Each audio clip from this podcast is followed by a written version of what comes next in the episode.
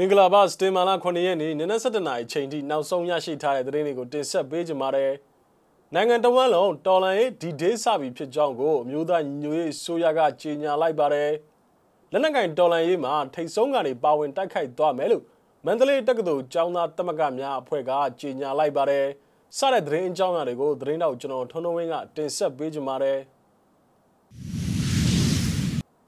ပထမဆုံးအနေနဲ့တင်ဆက်ပေးခြင်းတဲ့သတင်းကတော့မင်းအောင်လှိုင်ဥဆောင်တဲ့အကြမ်းဖက်အဖွဲ့ကိုတနိုင်ငံလုံးအတိုင်းအတာနေဖြစ်လှဲနေလှဲအောင်မြင်းဆောင်ပါမကြမ်းစတင်မာလာ9ရက်နေ့ကစတင်ပြီးတော်လန်ရန်အမျိုးသားညီညွတ်ရေးအစိုးရယာယီသမ္မတဒူဝါလက်ရှိလာကဒီကနေ့စတင်မာလာ9ရက်နေ့နံနက်ပိုင်းချိန်ကအရေးပေါ်ကြေညာသွားခဲ့ပါတယ်ပြည်သူလူထုများကိုလက်တလောဖြစ်ပေါ်နေတဲ့စစ်ရေးပြိပခအခြေအနေများနဲ့ပတ်သက်ပြီးအရေးပေါ်ပြောကြားတဲ့မိန့်ခွန်းမှာထည့်သွင်းပြောကြားခဲ့တာဖြစ်ပါတယ်အဆိုပါကြေညာချက်မှာပြည်သူ့ကာကွယ်ရေးအဖွဲ့များအနေဖြင့် စစ်ကောင်စီနဲ့၎င်းတို့ရဲ့တောက်တိုင်တွေကိုပြစ်မှတ်ထားထိန်းချုပ်ရန်သတ်မှတ်ထားတဲ့စီမင်းစည်းကမ်းများကိုလိုက်နာရန်ပြည်သူလူထုရဲ့အသက်အိုးအိမ်ကိုစောင့်ရှောက်ရန်စစ်ကောင်စီခန့်အုပ်ချုပ်ရေးမှုများအလုံးမစွန့်ခွာကြရန်ပြည်သူများအနေဖြင့်ယနေ့မှစပြီးမလိုအပ်ဘဲခီးသွက်လာခြင်းမပြုကြရန်လိုအပ်တဲ့ရိတ်ခါများကိုစုဆောင်းထားရန်နဲ့ပြည်သူ့ကာကွယ်တပ်များကိုတနိုင်သမျှကူညီကြရန်စစ်ကောင်စီတပ်များရဲ့လှုပ်ရှားမှုသတင်းများကိုပြည်သူ့ကာကွယ်တပ်များသို့အချိန်မီသတင်းပေးပို့ရန်တိုင်းရင်းသားလက်နက်ကိုင်များအနေဖြင့်လည်းချက်ချင်းပါဝင်တိုက်ခိုက်ပြီး မိမိတို့ရဲ့နေမြေများကိုအပြည့်အဝသိမ်းပိုက်ထားကြရန်စစ်ကောင်စီလက်အောက်ခံများပြည်သူ့ဘက်မှရက်တီပြီးတော့တိုက်ခိုက်ကြရန်ရုံးတက်ခြင်းမပြုရန်ယခုတော်လန်ရေးဟာအနာဂတ်မြန်မာနိုင်ငံအတွက်မရှိမဖြစ်လိုအပ်တဲ့တော်လန်ရေးဖြစ်ကြောင်းယခုတော်လန်ရေးတွင်ဆွန့်လွတ်အနစ်နာခံသူများကိုနိုင်ငံတော်ရဲ့သူရဲကောင်းများဖြစ်အတိမတ်ပြုမိဆိုတဲ့အချက်14ချက်လည်းပါရှိပါတယ်ရေးပေါ်အခြေအနေတက်ရောက်သည့်နေမြေများဟာပြည်ထောင်စုနိုင်ငံတော်မှလုံးဖြစ်ပြီးတော့ အချိန်ကာလအဖြစ်ပြည်သူ့အုပ်ချုပ်ရေးအာဏာပြန်လည်ထူထောင်နိုင်သည့်အချိန်ထိသတ်မှတ်ထားကြောင်းပါရှိပါတယ်။အမျိုးသားညီညွတ်ရေးအစိုးရရဲ့ယာယီသမ္မတကြီးဒူဝါလက်ရှိလာရဲ့မိကွန်းကိုလည်းဖွင့်ပြခြင်းပါတယ်။နားထောင်ကြည့်အောင်ပါ။ယခုအခါအကြမ်းဖက်စစ်ကောင်စီတပ်များသည် လူနေရက်ွက်များဘာသာရေးအဆောက်အအုံများဆေးရုံများစာတင်ကျောင်းများစသည်တို့တွင်တပ်ဆွဲလက်ပြည်သူလူထုအား အနီးကပ်ချင်းချောက်ခြင်းဖမ်းဆီးတပ်ဖြတ်ခြင်းပြည်သူပိုင်ဥစ္စာပစ္စည်းများအားဓမြတိုက်လူရခြင်းကျေးရွာများအားမိရှုဖျက်ဆီးခြင်းစတဲ့လူမဆန်သောစစ်ရာဇဝမှုများကိုဆက်တိုက်ကျိုးလွန်လျက်ရှိဒီမှာတကဘာလုံးအသည့်ဖြစ်ပါတယ်ပြည်သူလူထုအနေဖြင့်ဓမ္မတရားနိလန်ချနှင့်အညီတိခံခဲ့တော်လေ အကျိုးထူလာပွဲမရှိသည့်အတွက်အကြမ်းဖက်စစ်ကောင်စီအားနီလန်မျိုးစုံဖြင့်ခုခံဆန့်ကျင်တဲ့ရှိသည်ကိုတွေ့ရပါတယ်။ထို့ကြောင့်မြို့သားညီညွတ်ရေးဆိုရအနေဖြင့်တာဝန်ရှိတဲ့အလျောက်ပြည်သူလူထုရဲ့အသက်အိုးအိမ်စည်းစိမ်ကို ကာကွယ်စောင့်ရှောက်ရန်အကြောင်းပေါ်ပေါက်လာတဲ့အတွက်အောက်ပါတိုင်းထုတ်ပြန်ကြေညာလိုက်သည်။တစ်ဒီနေ့ စက်တင်ဘာလ9ရက်တော်တလင်းလဆန်နေရက်နေ့မှစ၍စစ်အာဏာရှင်ဆန့်ကျင်ရေးပြည်သူတို့၏ခုခံတွန်းလှန်စစ်သည်စတင်နေပြီဖြစ်တယ်။ဤတော်လှန်ရေးသည်ပြည်သူလူထု၏တော်လှန်ရေးဖြစ်တဲ့အတွက်ပြည်ထောင်စုမြန်မာနိုင်ငံတဝန်းရှိပြည်သူပြည်သားများအားလုံးမင်းအောင်လိုက်ဥဆောင်သည့်အကြမ်းဖက်စစ်အုပ်ချုပ်ရေးကိုတနိုင်ငံလုံးအတိုက်အတာဖြင့် လှဲနေလေအောင်မြင်းဆောင်မကြံတွန်းလန်တိုက်ဖြတ်ကြပါနှင့်ပြည်သူကာကွယ်ရေးတပ်များနေဖြင့်မိမိတို့ဒေသအတွေ့ရှိစစ်အာဏာရှင်နှင့်၎င်းတို့၏တောက်တိုင်အဖွဲ့အစည်းများကို ပြစ်မှတ်ထားထိန်းချုပ်ကြပါ၃စစ်ကောင်စီခန့်အစစ်စင်သောအုပ်ချုပ်ရေးမှူးများအားလုံးအလုံးမချက်ချင်းစွန့်ခွာကြပါ၄ PDF များအနေဖြင့်ပြည်သူတို့၏အသက်အိုးအိမ်ကိုသတိထားကာကွယ်စောင့်ရှောက်ပါအထက်မှညွှန်ကြားချက်များကိုတိတိကျကျလိုက်နာပါပြည်သူကာကွယ်ရေးတပ်မတော်ကထုတ်ပြန်ထားသောစစ်ဘက်ဆိုင်ရာစီမင်းစည်းကမ်းများကိုတွဲမတင်လိုက်နာကြပါငါပြည်သူလုံခြုံရေးတပ်များအနေဖြင့်လေ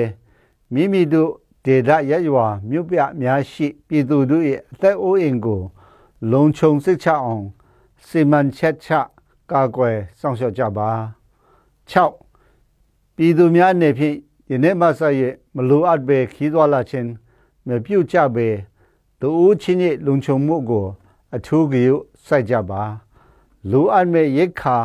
စေဝါစသည်တို့ကိုစုဆောင်ထားကြပါပြည်သူကာကွယ်ရေးတပ်မတော်နှင့်မဟာမိတ်များကိုလည်းတတ်နိုင်သမျှကိုညီစောင့်ရှောက်ကြပါ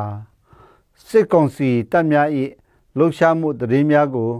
ပြည်သူကာကွယ်ရေးအဖွဲ့များသို့အချိန်မီပေးဖို့ကြပါခဏစ်တိုင်းဒါလက်နက်ကိုင်တော်လှန်ရေးအဖွဲ့အားလုံးကလည်းမဲအွန်လိုင်းနဲ့အကြမ်းဖက်စိတ်ဥစုကိုနီးမျိုးစုံဖြင့်ချက်ချင်းတိုက်ခိုက်သွားကြပါမိမိတို့၏နေမြေများကို အပြည့်အဝထိန်းချုပ်ထားကြပါရှစ်စစ်အာဏာရှင်အုပ်စုမှုနှင့်အုပ်ချုပ်ရေရန်တရားကို ပြည်သူအဖြစ် တွန်းလှန်တိုက်ဖြတ်ဖျက်သိမ်းကြပါတစ်ဆက်ဒီမှာပြည်သူအုပ်ချုပ်ရေးတို့ပြောင်းလဲနေရန်အတွက်ပြည်သူလူထုနဲ့အနီးကပ်ညှိနှိုင်းဆောင်ရွက်စီမံကြပါကိုအကျန်းဖက်စစ်လို့ဆိုရင်လှေဖျားမှုတွေနားယောင်ခဲ့သည့်နေချားဆောင်တပ်ဖွဲ့ BJF များနှင့်ပြည်သူစစ်အားလုံးယနေ့မှစ၍ပြည်သူများနဲ့ပူးပေါင်း၍ပြည်သူရန်သူများကိုစတင်ရင်ဆိုင်တိုက်ခိုက်ကြပါ။ တစ်စေယခုတော်လန်ကြီးသည်တရားနိလန်ကြတော်တရားမြတ်သောတော်လန်ကြီးဖြစ်သည်။ရေရှည်ငင်းချမ်းသောနိုင်ငံတည်ဆောက်ရေးဖက်ဒရယ်ပြည်ထောင်စုတည်ဆောက်ရေးအတွက်မရှိမဖြစ်လိုအပ်တဲ့တော်လန်ကြီးဖြစ်သည်။ဆက်တစ်မိမိတို့နိုင်ငံတော်၏ပကတိအခြေအနေလိုအပ်ချက်အလျောက်လှုံ့ဆော်သည်ဖြစ်၍အိန္ဒိချင်းနိုင်ငံများအေရှန်နိုင်ငံများကိုလသမက်ကနဲ့ကမ္ဘာနိုင်ငံအသီးသီး ကလည်းနားလေပေးကြလိမ့်မည်ဟုယုံကြည်ပါသည်စနစ်ပြည်သူတော်လှန်ရေးစတင်ပြီးဖြစ်၍မင်းအောင်လည်းလိန်လေလေးဖျားမှုဖြစ်နေမှုအောက်တွင်တာဝန်ထမ်းဆောင်နေကြသောတမတော်သားများပြည်သူရေးများဝန်ထမ်းများအနေဖြင့်ပြည်သူ့ကာကွယ်ရေးတပ် PDF များနှင့်ချက်ချင်းဆက်သွယ်ပူးပေါင်းပါ အမျိုးသားညီညွတ်ရေးအစိုးရကာကွယ်ရေးဝန်ကြီးဌာန ပြည်ထဲရေးဝန်ကြီးဌာနများသို့အမြန်ဆုံးသတင်းပို့ကြပါ73ယနေ့မှဆက်ရဲ့စစ်ကောင်စီလက်အောက်ခံဝန်ထမ်းအားလုံးယုံတက်ချင်းမပြုတ်ကြရန်တရိပေတာမြစ်လိုက်သည်14ယခုအရေးတော်ပုံတွေအသက်အိုးအိမ်ဆွန့်လွတ်နေနာခံသူများကို နိုင်ငံတော်၏သူရဲကောင်းများအဖြစ်အစင်မြဲအတိမတ်ပြုနေမည်ဖြစ်ပါသည်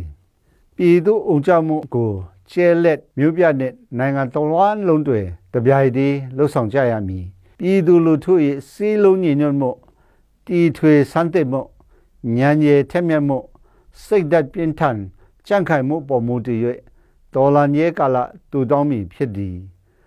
အာနာသိန်းအချမ်းဖက်မင်းအွန်လိုင်းနဲ့အာနာရှင်စနစ်ကိုမြန်မာနိုင်ငံမှာအပြည့်တိုင်ဖြုတ်ကာ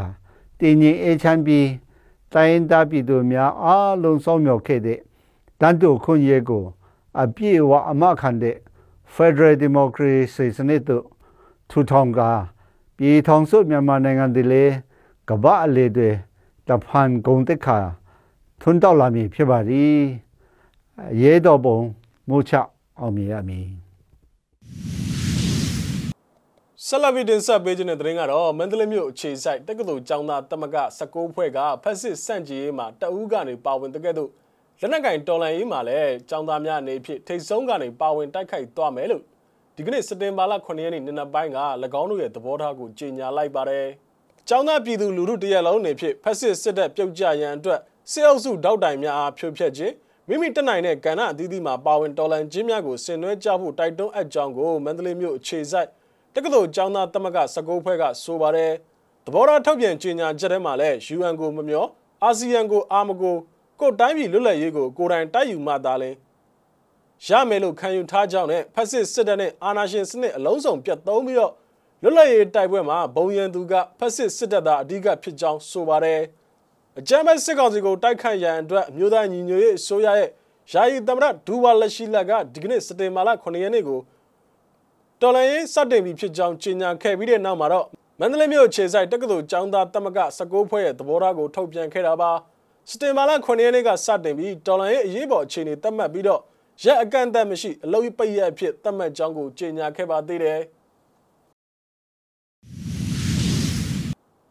နောက်ဆုံးနေ့နဲ့တင်ဆက်ပေးခြင်းတဲ့သတင်းကတော့ကရင်အမျိုးသားစီယုံ KMU တပ်မှလေးနယ်မြေနီးမှာအကြမ်းဖက်စစ်ကောင်စီတပ်ဖွဲ့ဝင်တွေနဲ့ ဒေသခံပြည်သူ့ကာကွယ်ရေးတပ်ဖွဲ့ဝင်တို့ကြားမှာတိုက်ပွဲတွေဖြစ်ပွားနေတယ်လို့ကနေဦးသတင်းတွေရသိရပါတယ်။တောင်ငူလေတက်စကန်မှာတက်လာတဲ့တိုက်လေရင်ပြန်တမ်းမှုများကမနက်9:00နာရီကျော်အထိကြားသိရပြီးတော့တိုက်ပွဲဖြစ်ရာစီကိုပို့နေတာဖြစ်ကြောင်းကို KNU ရဲ့တာဝန်ရှိသူတူရဲ့ပြောဆိုချက်အရသိရပါတယ်။တိုက်ပွဲဖြစ်စဉ်နဲ့ပတ်သက်ပြီးအသေးစိတ်အချက်အလက်ကိုတော့မြစည်းမသတင်းဌာနကဆက်လက်စုံစမ်းလက်ရှိနေပါတယ်။ ဟုတ်ကဲ့ပါစတင်မာလာ9ရက်နေ့နနက်7:00နာရီချိန်ထိနောက်ဆုံးရရှိထားတဲ့သတင်းတွေကိုကျွန်တော်တို့မြစည်းမဝိုင်းတော်သားများကနေပြီးတော့တင်ဆက်ပေးခဲ့တာပါမြန်မာပြည်နဲ့မှာနေထိုင်တဲ့မိဘပြည်သူတွေအကုန်လုံးဘေးရန်နဲ့ကင်းရှင်းကြပါစေလို့ဆုမကောင်းတောင်းအပ်ပါတယ်လက်ရှိဖြစ်ပေါ်နေတဲ့ COVID-19 ကပ်ရောဂါကိုလည်းအထူးဂရုစိုက်ကြဖို့ကိုကျွန်တော်တို့မြစည်းမဝိုင်းတော်သားတွေကတိုက်တွန်းနှိုးဆော်ခြင်းပါတယ်နောက်ထပ်ရရှိလာမယ့်သတင်းတွေအတူတူကျွန်တော်တို့ပြန်လာခဲ့ပါမယ်